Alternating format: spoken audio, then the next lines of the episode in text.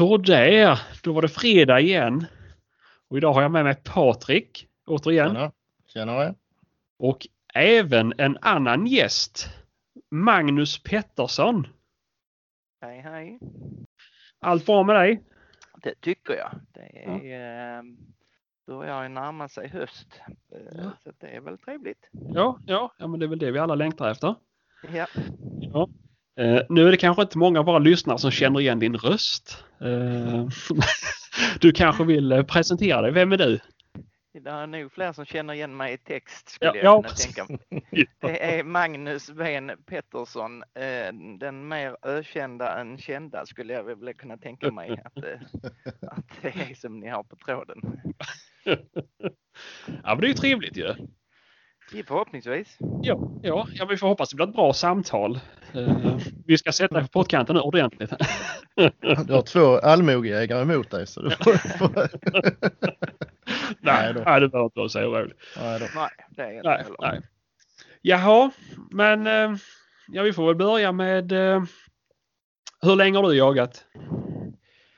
Eh, ja, eh, jag har ju jagat i omkring 30 år. Jag kom igång rätt sent. Eh, Ja, jag var ju alltid med när min far och de hade jakter sen jag knappt kunde gå, höll jag på säga. Jag gick Mm. med då, i dreven och så. Men jaga själv började jag väl där i 15, 16, 17 års åldern någonstans. Ja, Eh, ja.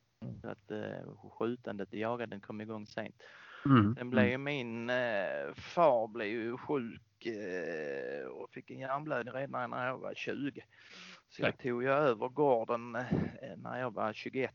Eh, så att då blev man liksom inkastad i det. Eh, blev biten rätt så fort. Ja, just det. När helt plötsligt det var jag som skulle åka med pappas gäster och när de bjöd tillbaka och så vidare. Så att det, Mm. det, då accelererade rätt så fort. Ja, det är väl lite, lite omställning. Ja, ja.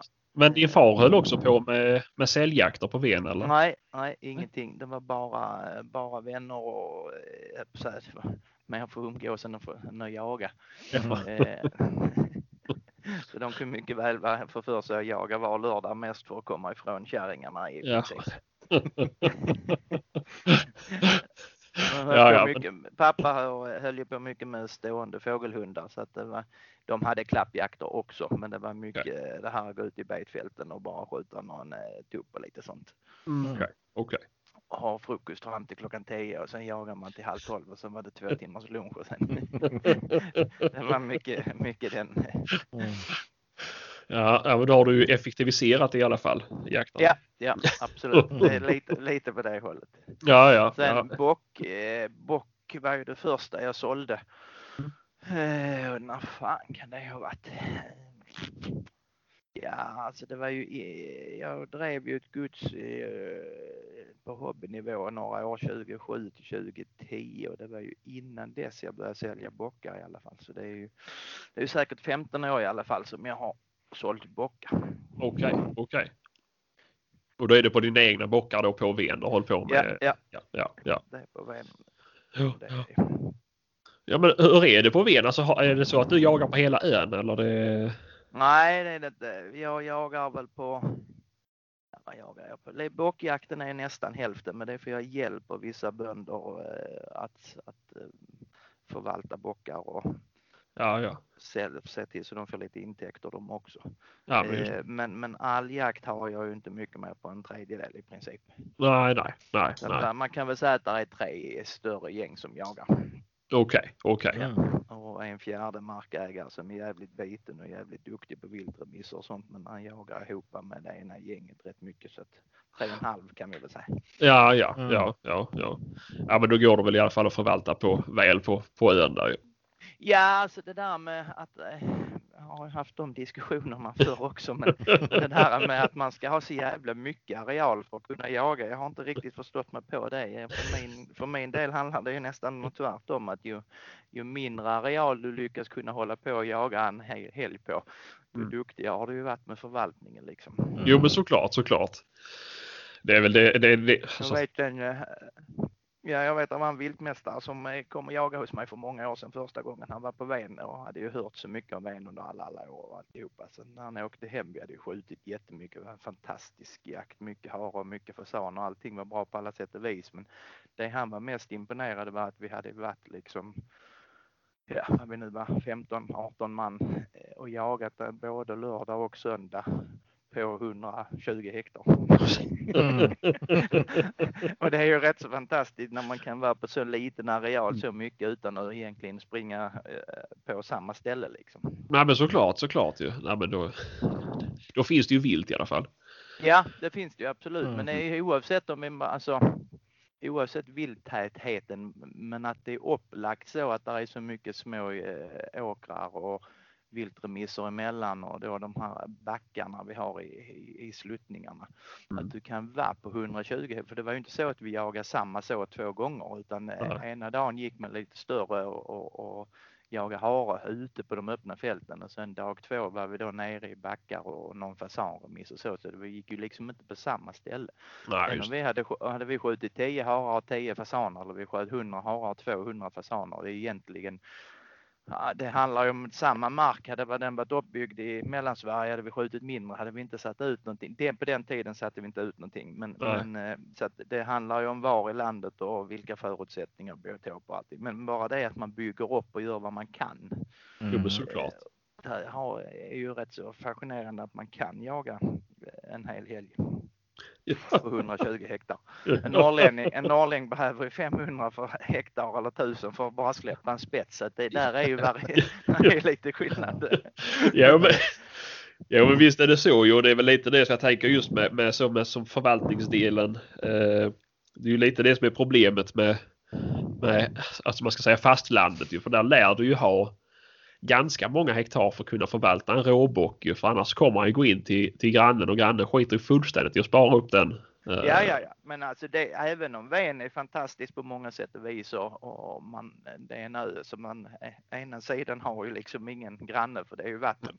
Ja. Eh, så hade det inte varit så att jag hade haft ett extremt bra samarbete med, med min granne på Kungsgården. Eh, löjligt bra samarbete. Även om vi inte jagar ihop så. Va? Så, ja. så men vi skickar bilder till varandra i slutet på juli, början på augusti. Liksom. Du, mm. vi har dessa bockarna här i gränsen. Ska vi skjuta eller inte skjuta? Ja, ja. I nio av tio fall är vi överens om att den ska skjutas. Så då blir det liksom ingen diskussion. Men om vi är lite oense har alltid någon gett sig innan den 15 eh. Så vi vet vilka bockar. Dessa ska skjutas och sen är det grattis till den som skjuter Ja, just det. Sen, sen har vi nu säljer ju han också sen eh, inte lika länge som jag, men sen x antal år tillbaka. Så, nu har vi, har vi ju bägge ur ekonomiskt perspektiv, så nu har vi gått in så långt eh, så de sista eh, tre åren har vi ju gjort upp innan den 15 på kvällen att eh, den bocken har gått mest hos dig. Vi kör 70-30. Eh, den bocken går mest 50-50 eh, och så. Ja.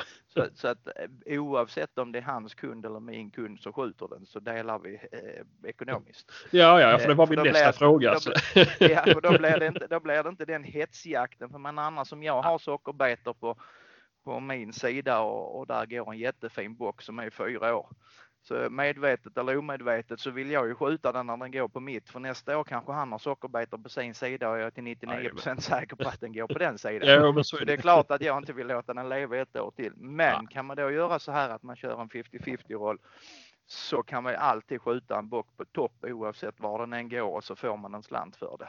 Ja, ja men såklart, såklart. Ja, men då gynnar det ju alltså samarbetet ytterligare. Ja det gör man absolut och det, och det är bäst ekonomi över en femårsperiod. Ena året kanske jag skjuter den ena stora bocken i år var ju jättedyr. Vi behöver kanske inte prata pengar men den var jättedyr i alla fall. Ja. Och den delar vi 50-50 och visst det är ju, är ju x antal 10 000 som grannen ska ha av mig för att det var min kund som sköt den. Men nästa år, nästa år är det tvärtom och om fem år så har det jämnat ut sig eller är den absolut bästa lösningen för att minsta lilla vi kommer in i den diskussionen att skjuter inte jag så skjuter eh, grannen. Ja. Då, är, då är det kört. Alltså det, det, är mer tur än skicklighet om du lyckas få upp en stor bock. Jo men såklart, såklart. Och det är ju, vad heter det, och det är ju, det är väl det tankesättet som skulle behöva komma ut i Sverige också att det är väl bättre att man diskuterar i och med att vi har så mycket småmarker, alla är i Skåne. Ja, ja. Eh, har man då bara ett samarbete eh, och det kan ju fungera när det kommer till kanske dov och kron och, och rå. Eh, ja. Att du kan komma överens med, med grannen att nu sparar vi, man kan ta ett foto på något. Så här ser den ut. Den bör sparas ett år till. Även om vi inte säljer den så någon av oss ska i alla fall få sköta en guld istället för att vi sköter den i år och det kanske knappt är en brons. Nej, men så är det. Min läromästare Dan Jönsson eh, Ja. som jobbar på ett gods här nere nu, han har lärt mig mycket eh, under årens lopp. Han sa det om du, om du aldrig eller jävligt sällan skjuter returbockar Mm. så skjuter du alltid för tidigt. Du måste all, någon gång ibland måste du räkna fel och säga att jag tror detta är på topp, jag släpper den ett och samman. Fan, den slår över på retur. Men har du inga returbockar på din mark så skjuter du i snitt för tidigt. Jo men så är det Och nu, och nu menar jag riktiga returbockar, inte som vanligt svensson folk tror bara för att den är grå i huvudet eller eh, har en tagg som är lite sned på ena sidan så är det retur. Utan nu pratar vi riktiga returbockar. Ja, ja. Man Ja, men visst är det så. hör och ser ju de värsta skrämmande historierna var folk ljuger för sig själv bara för att de ska stilla kliet i fingret liksom. Nej men så är det ju. Det är ju och det är ju alltså. Ja, det, det är ju få returbockar man ser på på, eh, på Facebook som folk lägger ut idag. Eh, Eller idag, men den Men här det är veckan ju. jävligt, däremot jävligt ofta där står att jag sköt en returbock. Men Ja. det är jävligt sällan man ser någon. Det är helt riktigt. ja, men, ja men det är lite så. Folk är ju jävligt snabba med, med, med just att döma ut en bock och säga att det är en retur medan den kanske gett en två år. Vet du så hade det varit en, en fantastisk bock. Ja, ja. ja, det är ungefär som om man skjuter en sugga men man skriver gylta. Alltså, Ja, det, är ju ja, ja, bara, men det är bara för att rena sitt eget samvete. Alla andra ser ju det liksom. Jo, Men- jo. men- Sen är det ju en och annan jägare som verkligen inte vet utan där är någon som de trodde visste som har lurat dem och berättat att detta var en gylta fast det inte var det eller en. Ja, De ska man ju inte varken hänga ut eller eh, tycka synd om för det är ju de som har lärt upp dem som skulle haft sig en lusing. Ja, men det är faktiskt. Men, men det blir ju tokigt eh, när man inte knappt vet vad man skjuter och skriver fel saker. Nej, nej, nej, nej, nej. Ja, men tyvärr är det ju så idag ju. Och det är ju bara att kolla nu senaste veckan. Nu var det två ponnys och, och, och en kronhjort som har En ja. ja. ja. Förra året sköt de ju en varg här nere och trodde det var en räv. Och, Ja, just det, trodde och trodde eller man skyllde på det, det vet jag inte. Men, men en, en gubbe med. ja, en gubbe Åkte ja. där ju. Ja, precis. Och en älgtjur eh, trillade där ju också. Och, eh, och, och där trillade en ponny i fjol eller förfjol också. Så att det, nej, det är lite väl. eh, är- Man blir lite orolig faktiskt när man går på så Ja. mycket jakter som jag är runt omkring på olika ställen. Vad fan det är för folk.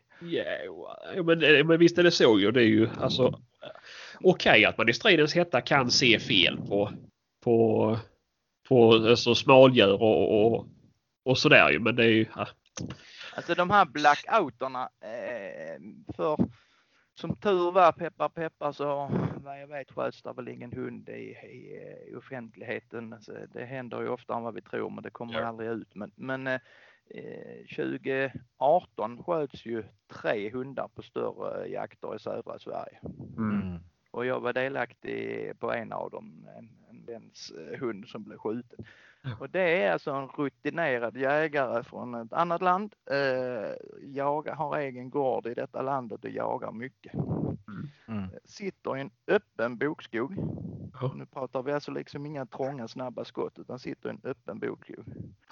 Och där kommer en korsningshund eh, som liknar en svart labbe springande och han tror att det är ett vildsvin och skjuter.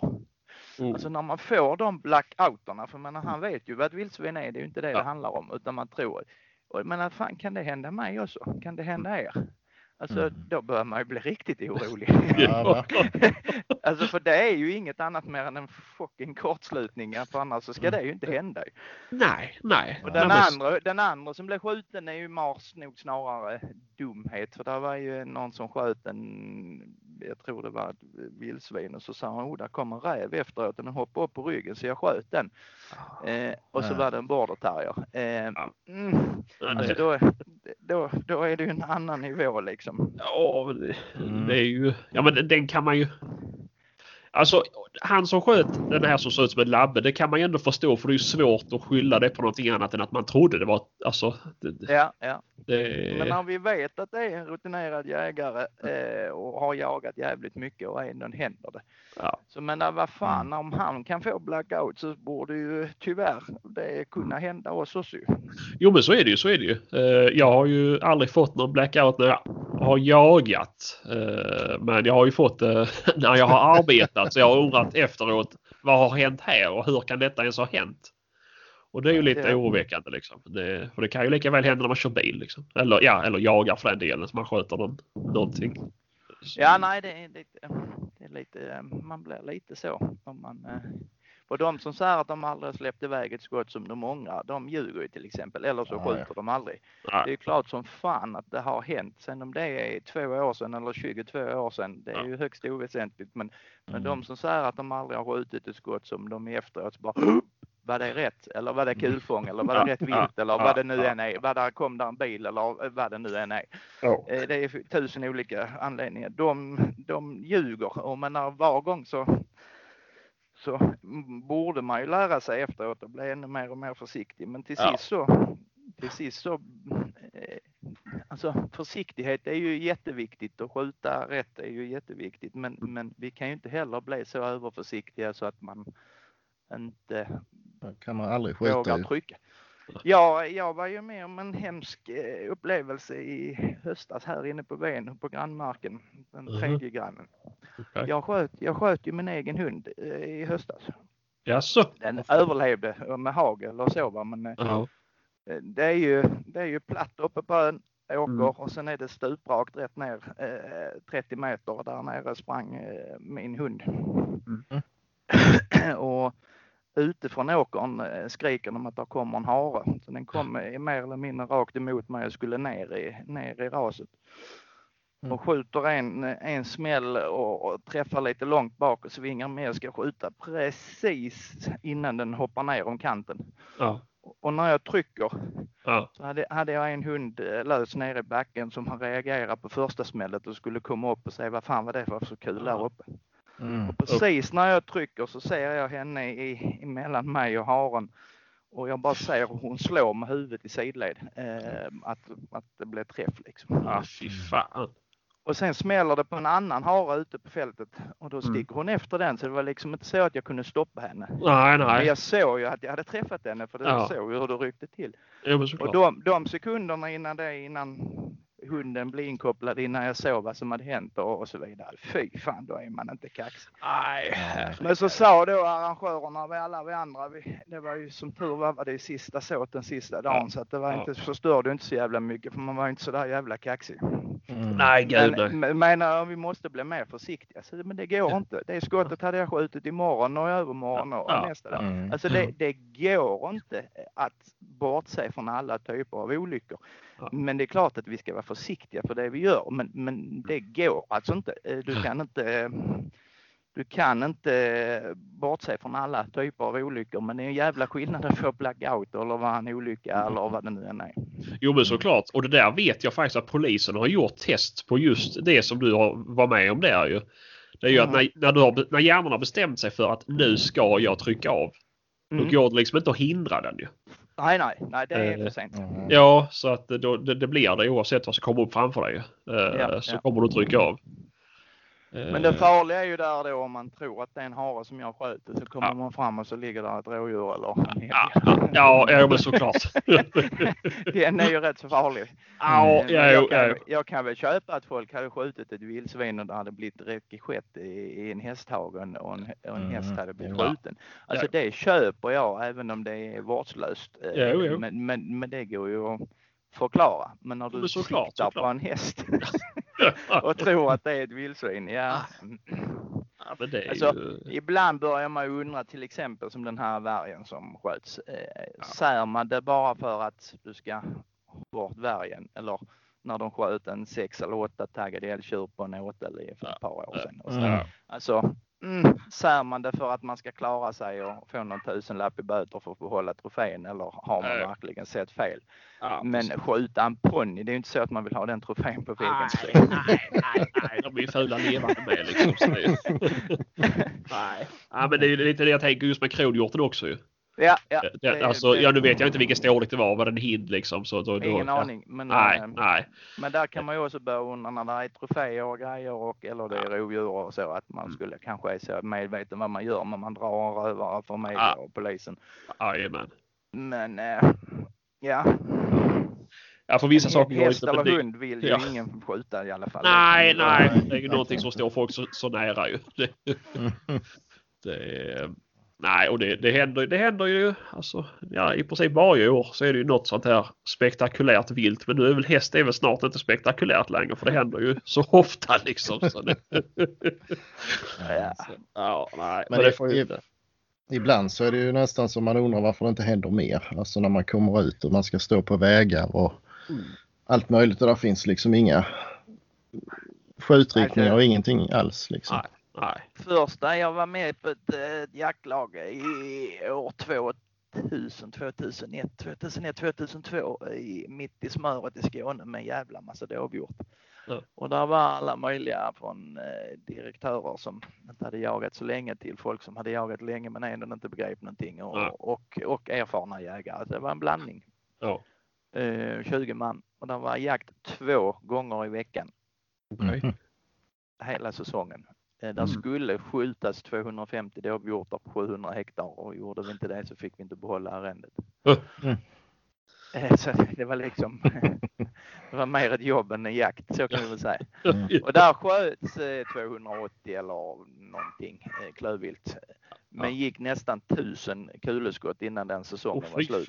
Mm, mm. Och, och där var en rapporterad händelse där man, när en, en drevkarl hade hört, känt sig obehagligt att det visslade i skogen med, Ja. någonting. Mm. Och jag menar det är ju ett jävla under så mycket som det smäller eh, runt omkring eh, att, att det inte händer mer. Vill jag Ja. Sen ska Jo, men så är vi vara jävligt glada för att det inte gör det. Men, men jag hade inte blivit förvånad om två, tre jägare hade blivit skjutna vart år. Ja? Nej, alltså det, alltså nej. Det, Ja men det vet man ju själv om man står på en väg. Visst man kan eh, bestämma sig för att jag skjuter liksom där och där och där. Ja första skottet men behöver du följa upp ja då skjuter du på vägen om, om du måste ju. ja. Ja, ja, men alltså jag, jag brukar ju säga det att om vi bortser från de som verkligen inte har koll, eh, om vi får uttrycka ordet idioter. Eh, om vi bortser från dem så vill jag ju ändå påstå att 90 många procent eh, av svenska jägarkåren har fullständig koll på sitt första skott. Mm. Absolut. Men om ett framben hänger på rådjuren eller du buskjuter en dov som håller på att gå in i, i en tätning eller någonting.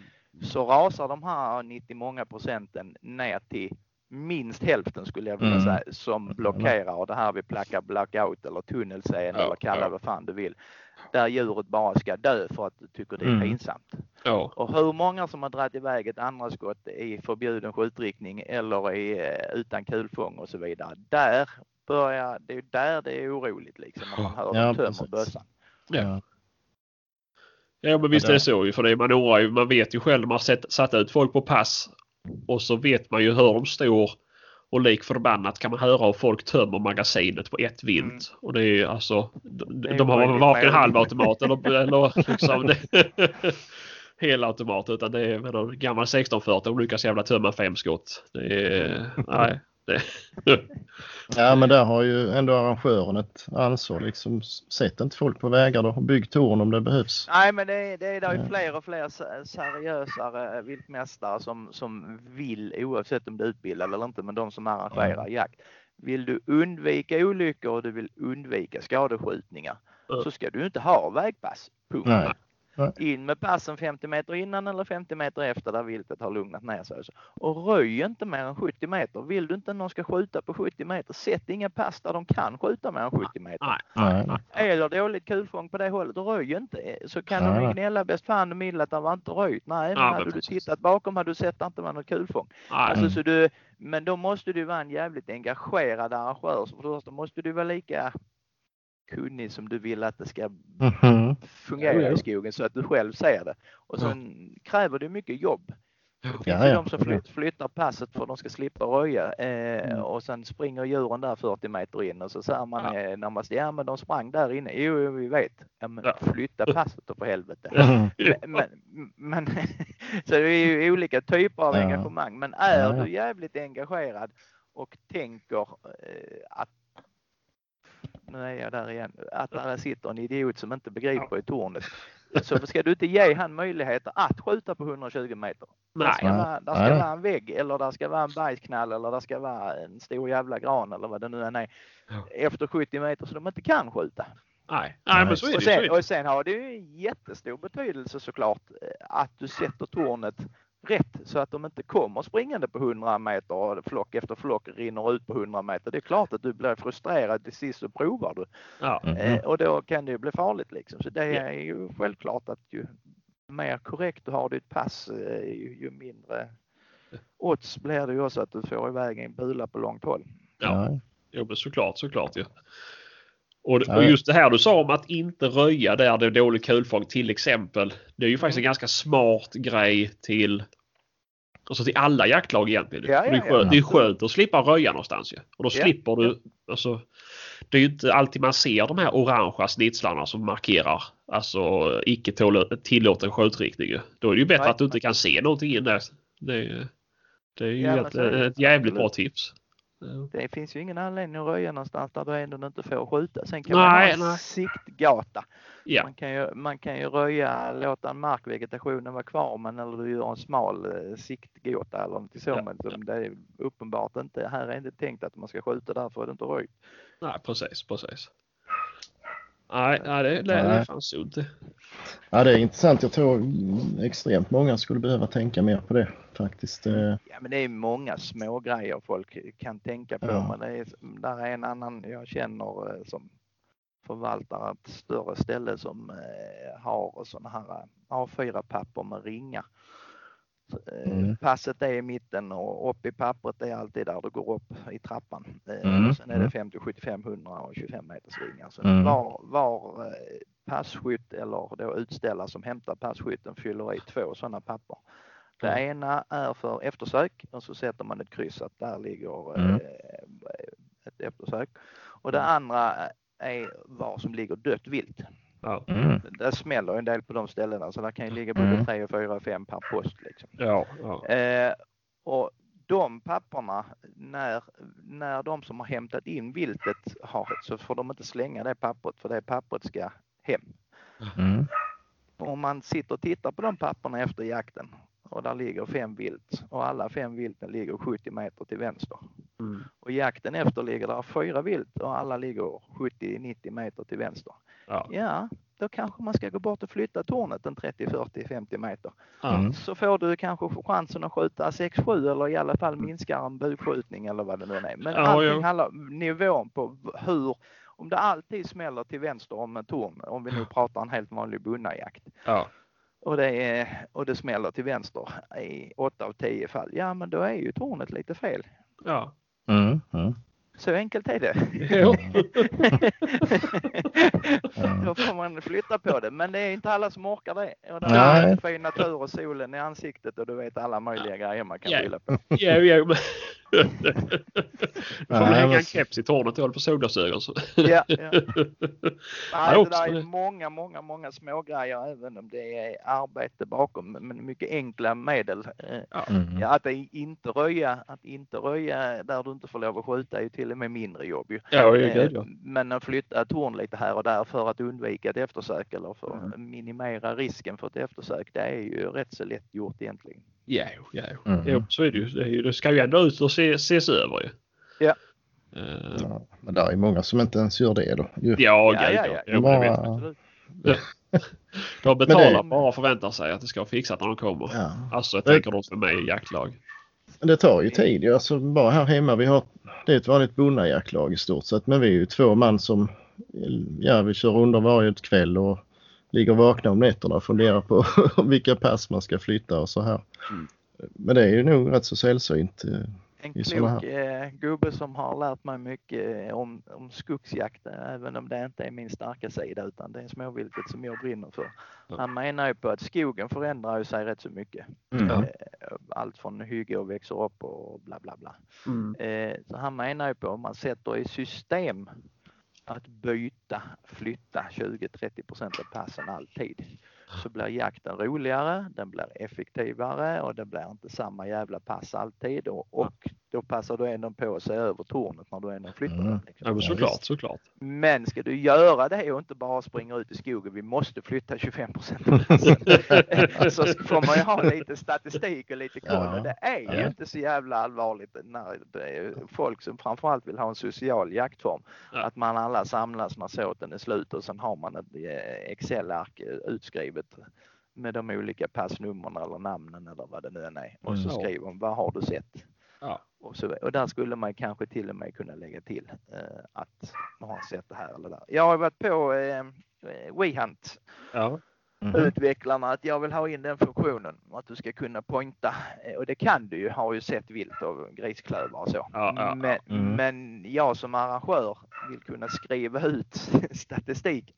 Som det här jag pratade om den här killen med papperna. Jag vill kunna Ja. skriva ut att när säsongen är slut att på pass 22 har setts eh, 32 vilt och Ja. 27 av dem är till vänster. Eller vad det nu än är. Den Mm. funktionen, eh, så man kan, funktionen är ju där att du kan att du har sett det och det, men att du kan skriva ut informationen bakvägen, eh, det hade varit ruskigt jävla bra. Ja. Och för de som vill göra det bättre helt enkelt. Ja, ja. Jo men såklart, såklart. Och ta, Ja. det, ta det steget extra för, för både jaktledare och arrangörer. ju.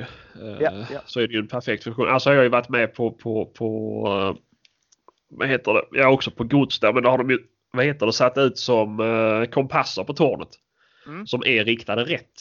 Mm. Och det är ju likadant Mm. där. Då kan man alltid säga att ja men djuren passerade väster om mig eller de kom söder om mig. Ja, Då får de också en hint om det ju.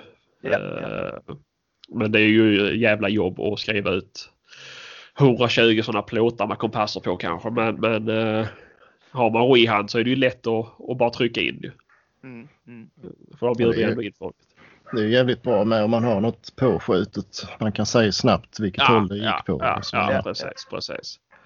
Ja, WeHunt är ju ett fantastiskt verktyg eh, som sparar jättemycket jobb och, och hantering och papper och eftersök och allt, allt, allt. Mm. Eh, sen kan ju allting bli bättre, men Jo, frågan är ju de här arrangörerna som arrangerar klövviltsjakt i, i den modellen som jag ofta hjälper till, de är ju inte så många. WeHunt för, som är tänkt för den stora bredden är, är det ju inget problem liksom. För det första så är det ju inte mer vilt än att man kan berätta det på, på samlingen att vi, så, vi såg ett rådjur där och vi såg två älgar där och sen är det ju slut liksom. Ja men det är exakt. Eh, Så det är inte så jätteavancerat för- för en jaktledare att summera dagen. men, men när vi ligger på jakter på 500, 700, 900 och 11, 12, 1300 obs eh, så är det ju rätt intressant att kunna veta att kan du flytta ett torn 30-40 meter och minimera risken till eftersök. Ja. Vissa, vissa godsgårdar har ju problem verkligen vill skjuta ner stammen. Ja men Ja. kan de skjuta två vilt mer på den posten och ett vilt mer där och fyra, det blir rätt mycket på en dag Jo men Mm. såklart. med samma antal jakter. För det har vi ju konstaterat sista tio åren att ju färre jaktdagar vi jagar i en mark, inklusive stövare och inklusive eh, hundträning, inklusive spetsar och inklusive rådjurstaxor och bla bla bla. Ja, ja, skit. Eh, Vissa påstår att den ena hunden stör inte den andra, men, men jag har aldrig sett en älg eh, förstå att det är en, en spets eller en tax som kommer springande i skogen. Än mindre, än mindre så luktar ju inte en tax med konstigare än vad en spets gör. Men, men, men i alla fall, ju färre jaktdagar vi har och ju hö- högre bag vi skjuter per jaktdag, ju mer vilt är där i skogen året efter. Ja. Så, Mm. enkelt, så enkelt är det. Jajamän. Men när jag, när jag eh, drev eh, en skogsfastighet 2007 till 2010, det är ju inte jättelänge sedan, då var jag ju i princip grön eh, i, med klövviltsjakt. Och det var då jag började med hundar också Jaha. och gå med hundar. Då, då, det man visste då var ju att den som utfodrar mest vinner. Ja. Eh, och det gjorde jag. Jag utfodrade mest. det, det var ett jävla halabaloo skriveri i tidningar, skit och mög och alltihopa. Men jag utfodrade mest. Eh, gick, eh, jag hade dyrare foderkostnader än arrende. Mm. Eh, gick ungefär två ton mat per dygn i snitt. Mm. Eh, men då vi hade mycket vildsvin. In i helvete mycket Ja, vildsvin. jo, jo. Eh, men idag kan jag ju säga att det var ju inte, det är klart att foder är, är bra. Men det som gjorde att vi fick så mycket vildsvin på den marken var ju för att vi inte hade åteljakt och för vi inte småjagade och, för, och sen hade vi sex dagar på 1200 hektar. Punkt. Och det Ja. var 360 blir det inte, 59 dagar, eh, var det lugn och ro. Där var inget spring, där var ingen som var en hund, där var ingen som satt och pyrschade. Jo, där var faktiskt bockjägare den 16 augusti. Ja, Men, men i annat fall så var det ingenting. Nej. Och alla andra grannar då, så när vildsvinen började explodera på den tiden, och jagade ju så in i helvete. Jagar man varannan lördag innan så jagar man ju var lördag. Och vissa Ja. jaktlag jagar ju älg först i fyra dagar i oktober och sen helgen efter jagar man ju rådjur och sen helgen efter hade man ju en stövare och du, ja, du vet ja, hela det. ja. Och sen hade man första vildsvinsjakten i mitten på november. Idag ska det bli spännande. Det är första gången vi jagar vildsvin. Ja, man har varit hundar i marken 14 gånger innan. Eh, så menar, det, det, det är som många då, både avundsjuka och okunniga, eh, inklusive jag för 10 år sedan, 12 år sedan, sa att foder drar vilt Mm. är egentligen en halvmyt vill jag påstå. För det är lugn och ro som drar vilt. Och grannarna stöter ut sitt eget vilt. För jagar du ofta så stör du ut ditt eget vilt och så går viltet in där som lugn och ro. Ja, ja. Och där stannar man liksom. Eh, och tills det nu är. Det är så enkelt är det. Eh, sen Mm. på en liten åtelmark är ju någonting annat. För har du 30 hektar och skjuter eh, ja, från 10 till 40 vildsvin så, så är det klart att fodret är det som är den bidragande orsaken att, Jajamän. att du skjuter så mycket. Så att, I viss mån på vilken typ av jakt man diskuterar. Men det är ju faktiskt, hade du forat som jag gjorde då och jagat var lördag så hade vi ju inte haft mycket vilt. Nej, nej. Nej men så är det ju. Det, och visst, visst hänger det ihop. Jag vet ju själv, jag har ju också jag har jobbat på, på, på gods liksom. Eh, och jag vet ju, det var ju dels att vi bara jagade ett par gånger om året men också det var ju mycket mat. Eh, men jag tror till viss del att det var tvunget att matas mycket för att det var ja, jag vet inte hur många småmarker som det gränsade mot. Eh, med eh, alltså oändligt antal åtlar. Inom skåthåll i princip från gränsen. Eh, Ja. Så att för, för att hålla viltet på marken och inte komma ut till alla andra. Nej sen- men så är det ju. Men det, det blir ju lite moment 22 vill jag ju påstå. För man har du lugn och ro i en mark Mm. och alla andra runt omkring jagar som tokar. Det är alltså Ja. går viltet in på den marken, det är lugn och ro. Mm. Men om du inte utfodrar där, för det första äter de ju upp skogen. Det är Ja. ju, eller åkern eller vad det Ja, än är. det, ja, det, är ju, det är ju steg ett. Men steg två är ju att när de har ätit upp skogen och framförallt då vildsvin som drar, drar mycket, går ju ut över gränsen på natten för där är foder och så säger det Mm. pang och så kommer den inte tillbaka.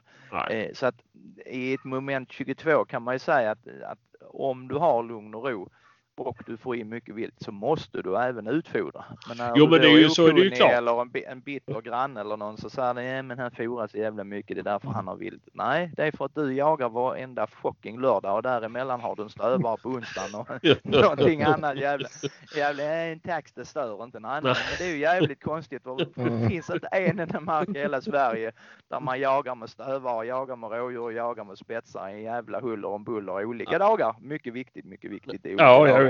Ja, men det är ju ingen mark som har mycket vilt. Nej, nej. Nej.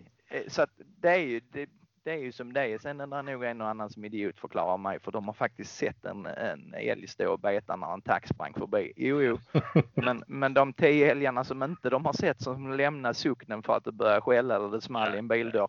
eh, De tänker man inte på riktigt. Nej. Mm. Nej men så är det ju. Eh, Och, och får, om inte folk vågar göra någon skillnad heller och, och förändra då kommer de ju aldrig förstå vad skillnaden kan bli. Nej, men det är ju lättare för om du då har varit på de här godsen och sett och jag är där rätt så regelbundet så är det ju lättare för oss för det är ju inte mer än tio år. Något gods har hållit på längre än tio år. Men det är ju de sista fem, tio åren som de här storjakterna eh, som har exploderat. Att det är såter man jagar en gång om året, absolut, absolut max två gånger om året. Mm. Eh, Det är ju de storjakten, är ju ett rätt så nytt koncept och det fanns ju, det fanns ett, ett gods som gjorde det när jag höll på 2007 till 2010 och då tänkte man ju bara på att ja men det är bara mycket foder liksom. Mm. Men nu efter tiden har gått och fler och fler gods och gårdar tänker så även faktiskt vanliga jaktlag Mm. eh, inser ja men du jagar väl lite mer sällan så, så kanske ta med en gäst extra och så vidare så får vi ju mer vilt så även vanliga jaktlag har ju börjat tänka så idag. Ja. Det har ju stor betydelse om du kommer Ja, ja. till en mark där du, du vet att denna såten inte jagar på två, två månader. Ja, då är det ju helt annan vilttäthet där.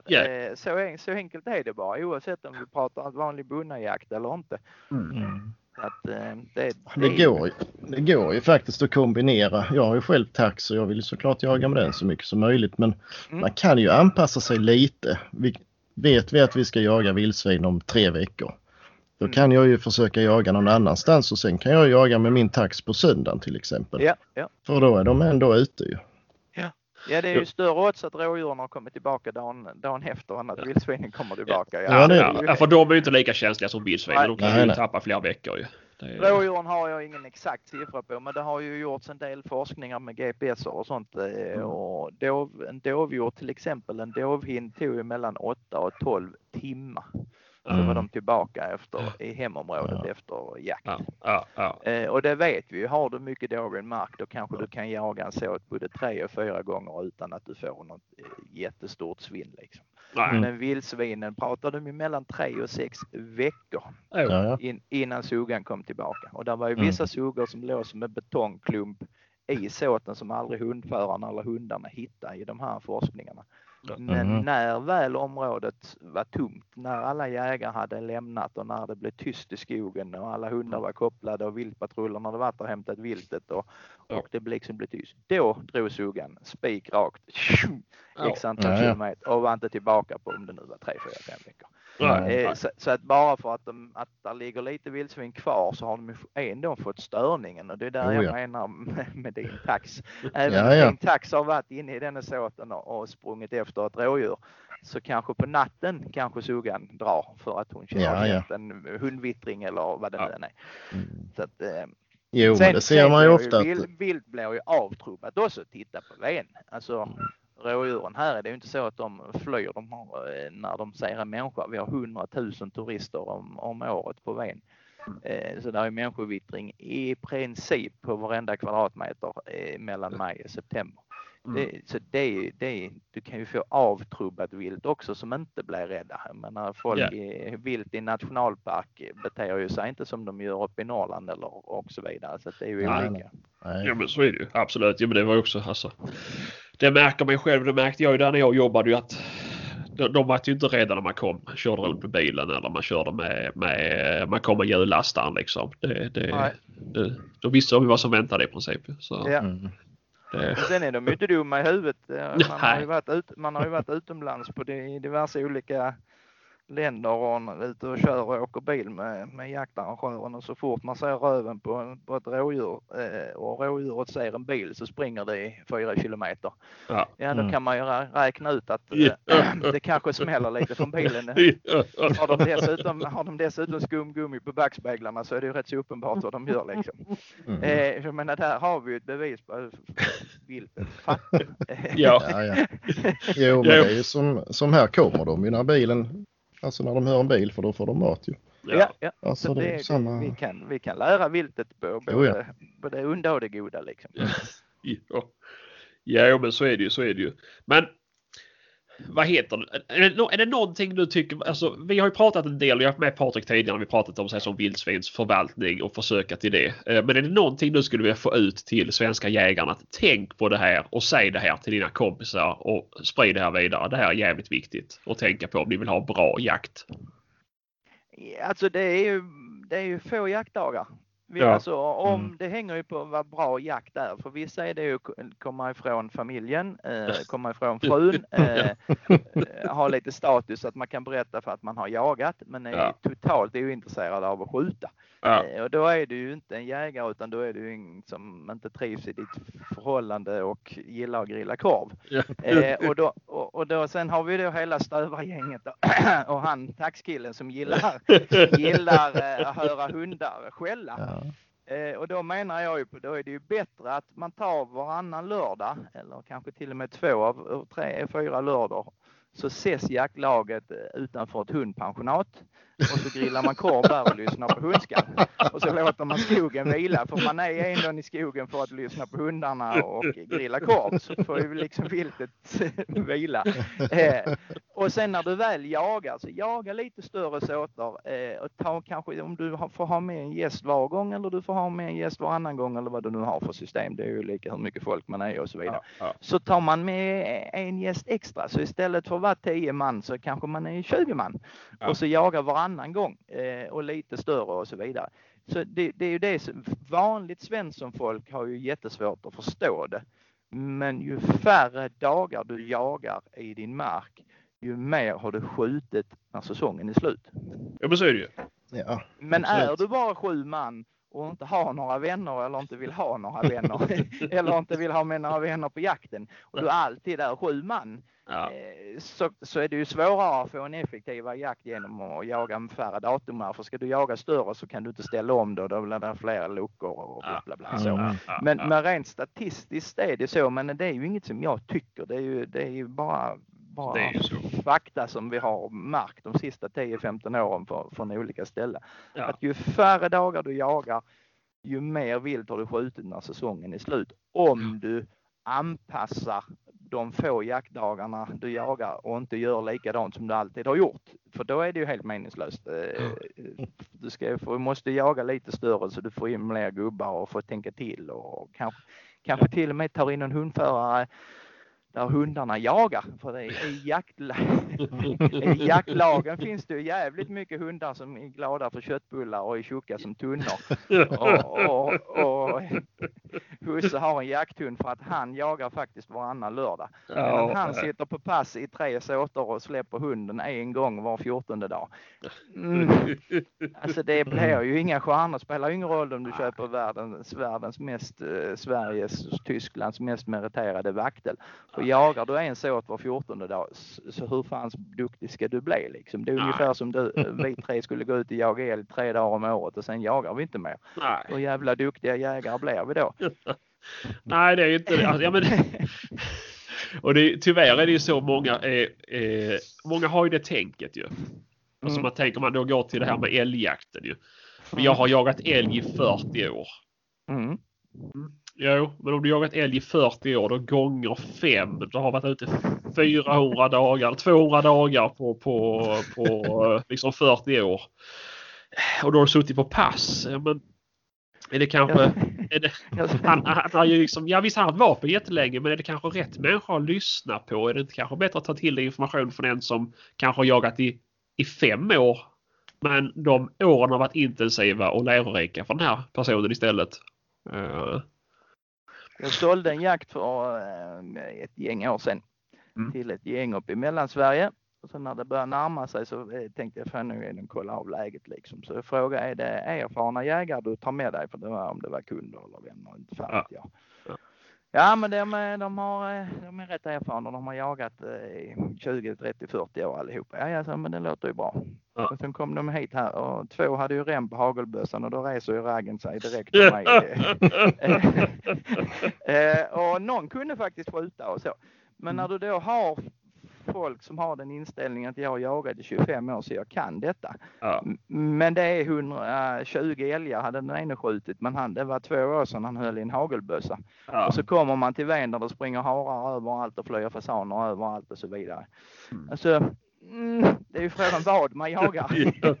och i vilken nivå. Det spelar ingen roll att du är en jävligt erfaren älgjägare eller Ja. du är förbannat duktig på taxare eller vad Ja. det nu än är. Eh, För kommer du till en ny kommun och en annan jaktsätt så man, eh, kan man inte så mycket helt plötsligt. Nej, men det är ju så ju. Så, så alltså. Så, så är det ju överallt ju. Alltså, alltså, Nej, folk tar ju som- till sig det överallt i allt annat om man säger. Kan du, kan du snickra? Nej jag kan sätta gips, har jag gjort hemma. Eh, Så Mm. jag kan inte snickra. Men kan du jaga? Ja för fan jag kan jaga. Jag har jagat i 25 år vet du. Mm. Det, men då har du bara jagat så här i 25 år. Mm. Ja, jo men Men det, jag, var, jag var i luven i en diskussion, det är inte så många dagar sedan, det var någon som Ja, så var du. det kan hända ibland. Men eh, det var någon som, eh, för, jag, för han frågade vad jag hade lärt mig allting, så sa jag att jag är extremt bortskämd och lärde känna en del, på den tiden kallades det yrkesjägare, idag kallas det då viltmästare redan när jag var 20-25 så jag har fått jättemycket kunskap av dem. Ja men bara för man är viltmästare så är det inte säkert man kan någonting. Nej det är ju helt riktigt. Det finns ju bra viltmästare det finns ju dåliga viltmästare som det finns bra poliser och dåliga läkare och, och. Ja. så. Så det har ju inte med utbildningen att göra.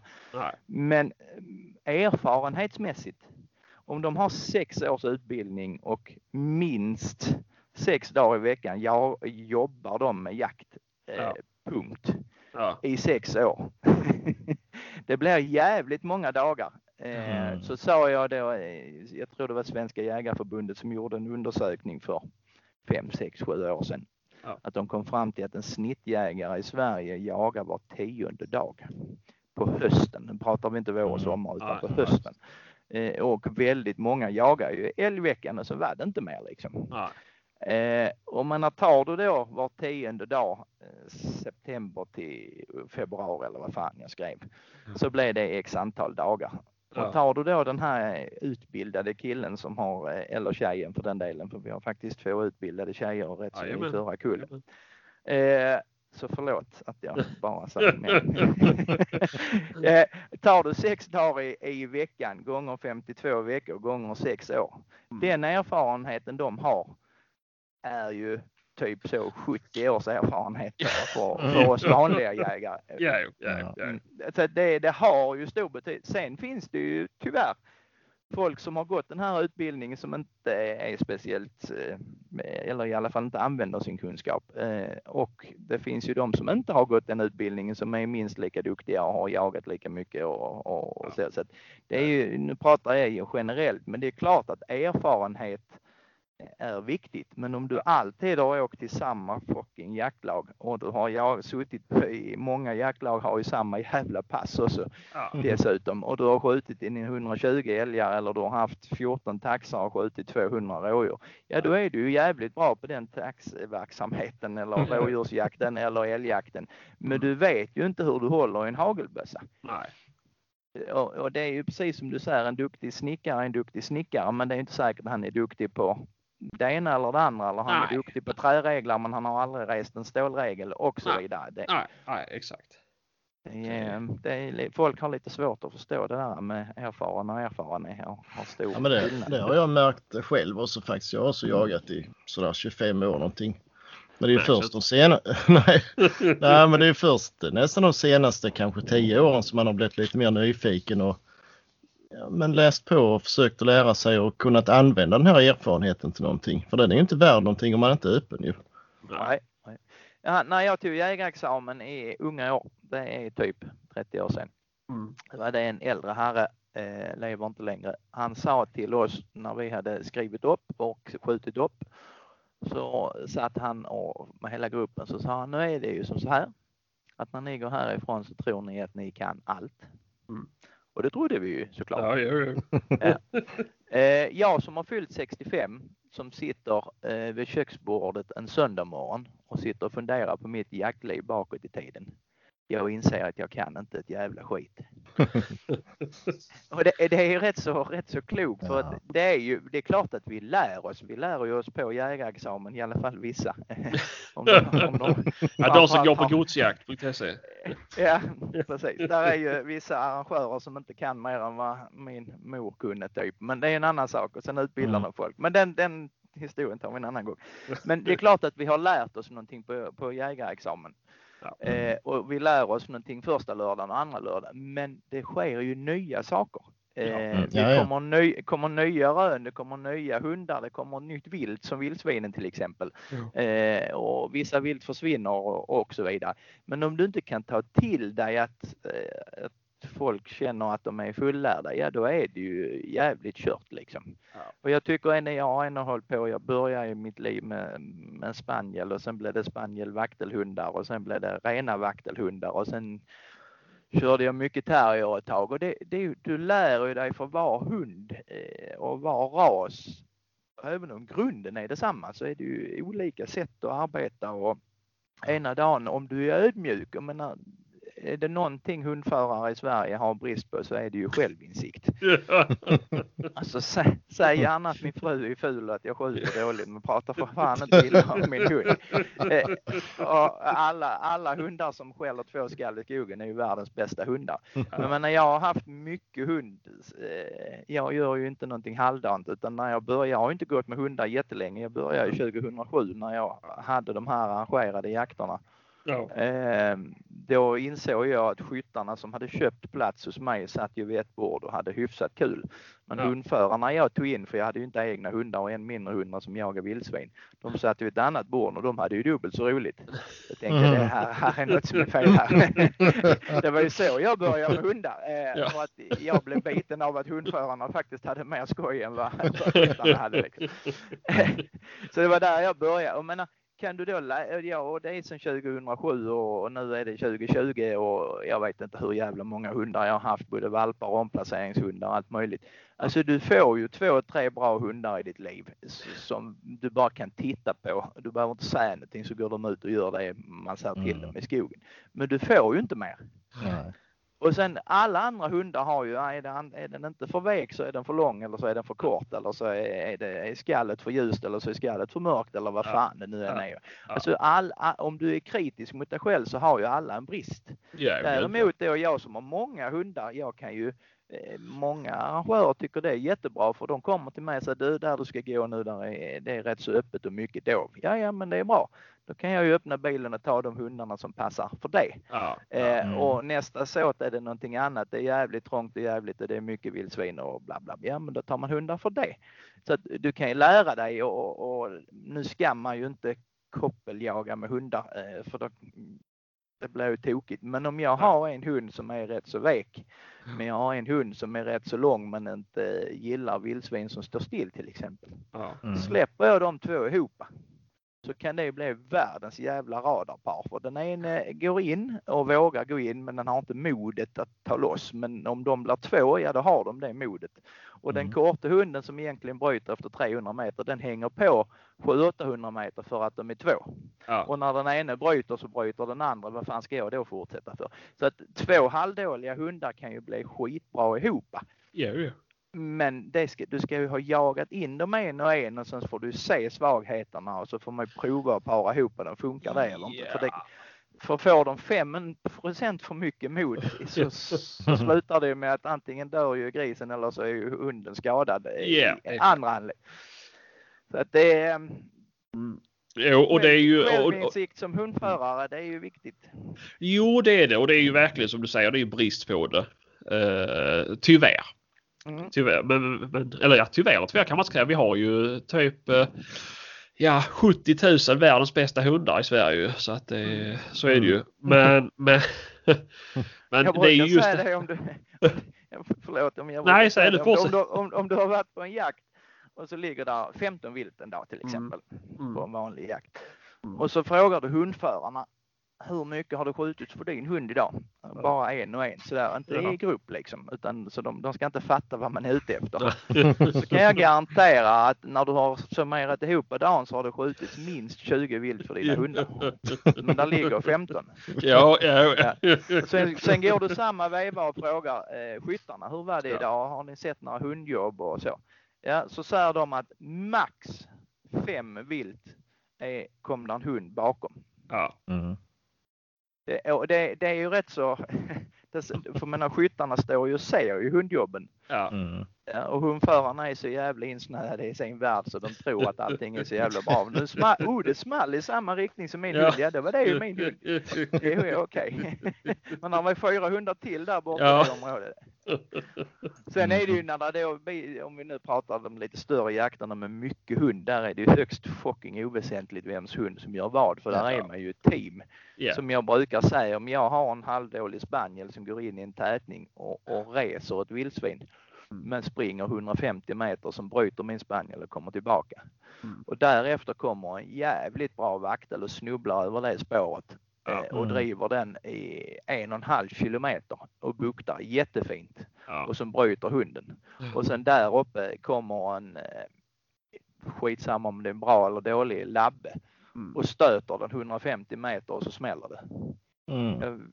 Vems gris är det på vilken bucketlist? Vilken Ja, ja, men precis. Eller så kan man bara skita i att diskutera det och säga att vi är Ja. team. För vi är Ja. fyra hundar i skogen och då är det skitsamma vem som gör Mm. vad liksom. Ja, ja, ja. På ju de här mer vanliga jakterna om vi nu pratar så där som kanske bara är två hundar lösa. Där är det ju lättare att bedöma att ja men det var faktiskt min hund som, Ja, som ja. det sköts för och så vidare. Men eh, ja, den är det är ju en, en som jag jagar mycket ihop med som arrangerar de här lite större jakterna. Han påstår ju att någonstans mellan 60 och 80 procent av allt vilt som skjuts på hans jakter är eh, stänkdjur som aldrig har en Mm. hund efter sig. Det tror jag mycket väl på att det kan stämma för de flesta jakterna. Vi har ju ett levande exempel på eh, jakt i jakt om det är nog så länge sedan så det var, eh, det var nog eh, det var nog Jompen som höll i det men det var nog Lubbe som sköt. Jag vet inte. För Nej. många år sedan i alla fall. Mm. Så var de på ett gods i östra Skåne Ja. och, och filmar ute på ett hygge. Där skjuts nio vilt tror jag eller något Mm, sånt på det det. passet. Mm. Och det var ju då typ åtta vildsvin och en kron. Och jag vet ju, för jag stod ju inte så långt ifrån, Ja. att där är ju en hel del hundar lösa. Ja, ja. Mm. utan, utan att nämna antal. Och där är jävligt många duktiga hundförare dessutom och har jävligt mycket duktiga hundar. Ja. Och jag tror där kommer, om jag inte eh, minns helt fel, så är det en hund på ett av vilten. Ja. Mm. Och det, och det är dessutom för att skoja till det lite, det är en spets på en, kro, på en kronhjort. så det är ju liksom inga rätt någonstans. Men Nej. det säger ju, säger ju rätt mycket om att, att på de här stora jakterna, men det är ju skit och arrangören i. Ja, ja. Han vill ju bara det ska smälla. Han skiter ju fullständigt om det har skjutits för min hund eller om min hund egentligen har gjort någon nytta eller bara vi har stört så att det smäller. Och sen är det ju mycket, mycket, mycket trevligare att skjuta ett stänkur. Det Ja. kanske inte han tax här i- på luren tycker, men ett stänkur kommer ju lugnare. Ja, Eh, ja, Alltså det, det är mycket, mycket mindre risk för skadeskjutning. Det oftast kan du vissla stopp på det och så vidare. Så vidare. Alltså, ju fler stänkdjur vi kan presentera i pass, ju trevligare tycker skytten det är och, och, och ju mindre risk är det för eftersök och eh, kulan sitter från mellangärdet och framåt och inte tvärtom. ja, men exakt, exakt. Ja, men så är det Ja, men jag är nog ingen vanlig taxjägare då. För det, det tycker jag liksom skjut för fan och sen när vi har skjutit det vi ska så får man jaga någon annanstans. Liksom. Det, Det, nu med, mördar inte folk om de, inte, om de skjuter ett stänkur. Men, nej, absolut inte. Nej, Vi är nej. där för att jaga ju. Ja, ja, ja. Men det var rätt... likadant, men, men, men många som säger min hund jagar bara gris eller min hund jagar bara rådjur. Varför det? Skogen är ju fullt av en helvetes massa arter. Varför kan vi inte jaga alla arter när vi väl jagar? Men jaga färre dagar. Och nu är vi inne på det vi pratade om innan. Jagar Ja. vi färre dagar, du kan ju släppa en havstövare och en det och en det om du nu vill jaga allt samma dag. Mm. Men så det inte blir så jävla mycket. Sen är det ju, det är ju jätteolika och så det handlar ju hur bortskämda vi är. Det handlar om ekonomi, hur många olika jaktlag du kan vara med i. Det Mm. handlar om vad du har för fru som tillåter eh, om du får jaga. Det handlar om ditt jobb, om du kan jaga. Ja, Men, men om du bara jagar, eh, om du bara är med i ett jaktlag och i princip inte har några vänner eller inte vill ha några vänner, det, är en tolkningsfråga. Men, Ja. Så det är klart att du vill utnyttja detta jaktlaget Mm. och, och få många jaktdagar. Det, det Ja. kan jag, jag kan, det, är- det är svårt att säga emot. Men vi andra jävlarna som jagar eh, på tok för mycket egentligen eh, och kanske är många är med i tre eller fyra eh, jaktlag och sen köper de jakter och sen blir de ju då en jävla massa bjudna som gäster. De är ju bara tacksamma om man kan få ner antalet dagar i ett jaktlag. För då kanske man kan hinna med och vara med i allt. Ja. Så vi har ju olika, olika förutsättningar också såklart. Ja, ja. Jo, men det är ju så många, man läser hela tiden på Facebook att jag betalar sig och så mycket och måste jaga hela tiden. Mm. Ja, men bjud in, alltså var tre jaktlag som hjälps åt. Bjud in varandra. Så Ja. kan ni jaga lika ofta men ni får ju dubbelt så bra jakter ju. För samma pengar. ja. Alltså, Men det är ju de här lite trångsynta som har, när jag har debatterat detta kanske en och annan gång i mitt liv, det här med att jaga få dagar. När jag säger jaga bara en gång om året. Så tycker de, ja men hur kul är det bara jaga en gång om året? Eh, Jo, jo, men om du har, om du har en mark och där är x antal gäster med. eh, Sen är det ju inte så att en mark ska jagas en gång om året, utan det är ju en såt som ska jagas en gång. mm. ja, ja. Har du då eh, nio såtar, ja då och du jagar tre om dagen, ja då kan du jaga tre dagar. Men om du har tre gäster med var gång, mm, då är du helt plötsligt uppe i 12. Ja, Eller nio, Exakt. gästpla- nio gästplatser plus eh, tre, det är. 12 jakter totalt. Ja. Om du Mm. nu har så trevliga vänner så de bjuder tillbaka. Ja, det, kan, man- det, det kan man ju förutsätta eller så kanske man ska skita i att bjuda dem år två. ja, ja, ja. Eh, Men, men i alla fall, om du nu har till exempel då nio gästplatser och tre egna jakter, ja, då blir det ju 12. Mm. Men om du då Mm. är lite trångsynt och inte har några vänner och- eller är egenkär i din egen mark och du jagar 12 gånger i samma mark. Mm. Det är kanske kul att sitta på sitt samma jävla pass där du alltid har suttit och höra din samma jävla grannhund som är så satans oduglig som man håller på att Men det, om du kommer iväg på nio olika gäster som förhoppningsvis är nio olika jaktlag. Det ena kanske är en, eh, en kille från Värmland som har jävligt bra älgjakt och den andra kanske är en tossiöbo som har bra fasanjakt och den tredje har kanske bra vildsvinsjakt och så vidare. Ja. Då får du ju någonting utav det. Du får träffa Ja, nya människor. Jo, och det du kanske får bygger upp dig lite erfarenhet så du inte Mm. bara har en erfaren älgjägare som har skjutit 120 utan du kanske har sett lite annat Mm. utan att lägga en jävla massa pengar. Eh. Så man kan ju resonera på olika vis Mm. även om det blir lika många jaktdagar. Jo, men såklart. Jag säger att du då får 12 jaktdagar på ett år. Mm. Det måste ju vara ganska standard för vad en svensk har på en jaktsäsong. Ja, För du vet ju då från september till ja, alltså ja, det beror på vad du jagar med för någonting. Men vi säger till själva till klövviltssäsongen är över. ja, Alltså, ja, du har ju det är barnkalas, det är after works, det är eh, Ikea, Ullared, alltså 12 helger för ja. en Jag, jag normal vet inte människa. Det är vad ju... du pratar om. Men, Nej. Nej, så, men, men sånt, alla andra vet nog vad du pratar om. sånt där trams får man hålla på med på sommaren. Ja, nu är väl inte jag en av dem, men eh, jag tänker för en normal svensk som han som säger att han vill. Ja, men de flesta har ju faktiskt det så ju. Men det är helt, Eh, helt. Det, det, det, det, är ju få som har har möjligheten så som, så, ja, men i alla fall som vi tre här har. Och kunna komma Ja. iväg på så mycket. Eh, Det är ju, man skulle, jag skulle nog vilja säga att de, vi säger, de får kalla oss idioter som jagar lite mycket och tär på våra förhållanden och det ena och det andra för att vi ska få jaga mycket. Alltså, de allra flesta av dem är ju egna företagare som kan styra sitt liv. Att Mm. de har inte semester när alla andra har semester utan då snickrar man eller gör vad fan man vill så det står i öronen och sen tar man ledigt på höst och vinter. Men gillar man spela golf och ligga på stranden, ja då är det inte så jättesexigt att jobba hela sommaren för att man ska kunna vara ledig på hösten. Men det är ju ett val man får ta. Va? Sen är det ju folk som tycker det är roligt att jaga men är inte alls så bitna som många andra utan de är jättenöjda med att jaga en lördag var 14 dag. Ja. Och det är ju fine. Det har jag ingenting emot överhuvudtaget bara man inte kommer i någon diskussion och sticker ut hakan och säger att man är så jävla kunnig utan man är ödmjuk och säger att du, jag jagar inte så jävla ofta. Jag Mm. lyssnar jättegärna på de som gör det eller någonting och inte blandar sig i diskussioner. Som, som man inte behärskar liksom. Eller är ödmjuk och ställer frågor istället. jo men såklart, såklart. Och det tror jag många skulle vinna mycket på. Eh, och det gäller Ja. inte bara diskussioner gentemot dig utan diskussioner överlag. Ja. Eh, och det är ju, ja, nej, alltså, ja, det har, både hundförare och, och passkyttar har ju skulle kunna suga i sig så mycket mer erfarenhet man bara diskutera annat än alla dessa drömskott. Alla dessa drömdrev för hunden. Alltså det, det finns ju så mycket mer att lära sig. Ja, det finns det. Jag sa ju till eh, någon av filmkillarna, jag behöver inte nämna namn, men jag sa till en av filmkillarna för ett par år sedan. Det var när jag hade varit med på någon jaktmässa och folk fick ställa frågor till mig när jag stod på scenen. Just det. Eh, på en mässa här i Skåne. Eh, Är det på och- Nej, det var det faktiskt inte. Det var när de hade flyttat från den andra. Men skitsamma. Jaha, ja.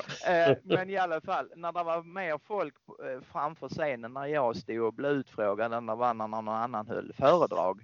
Så sa jag, det, det, det är ju inte frågan om, det är ju en jätteduktig kille den som stod och filmade. Alltså det handlar ju inte om det utan det handlar nog bara om att folk är trötta på de, du säger, de perfekta skotten på filmerna.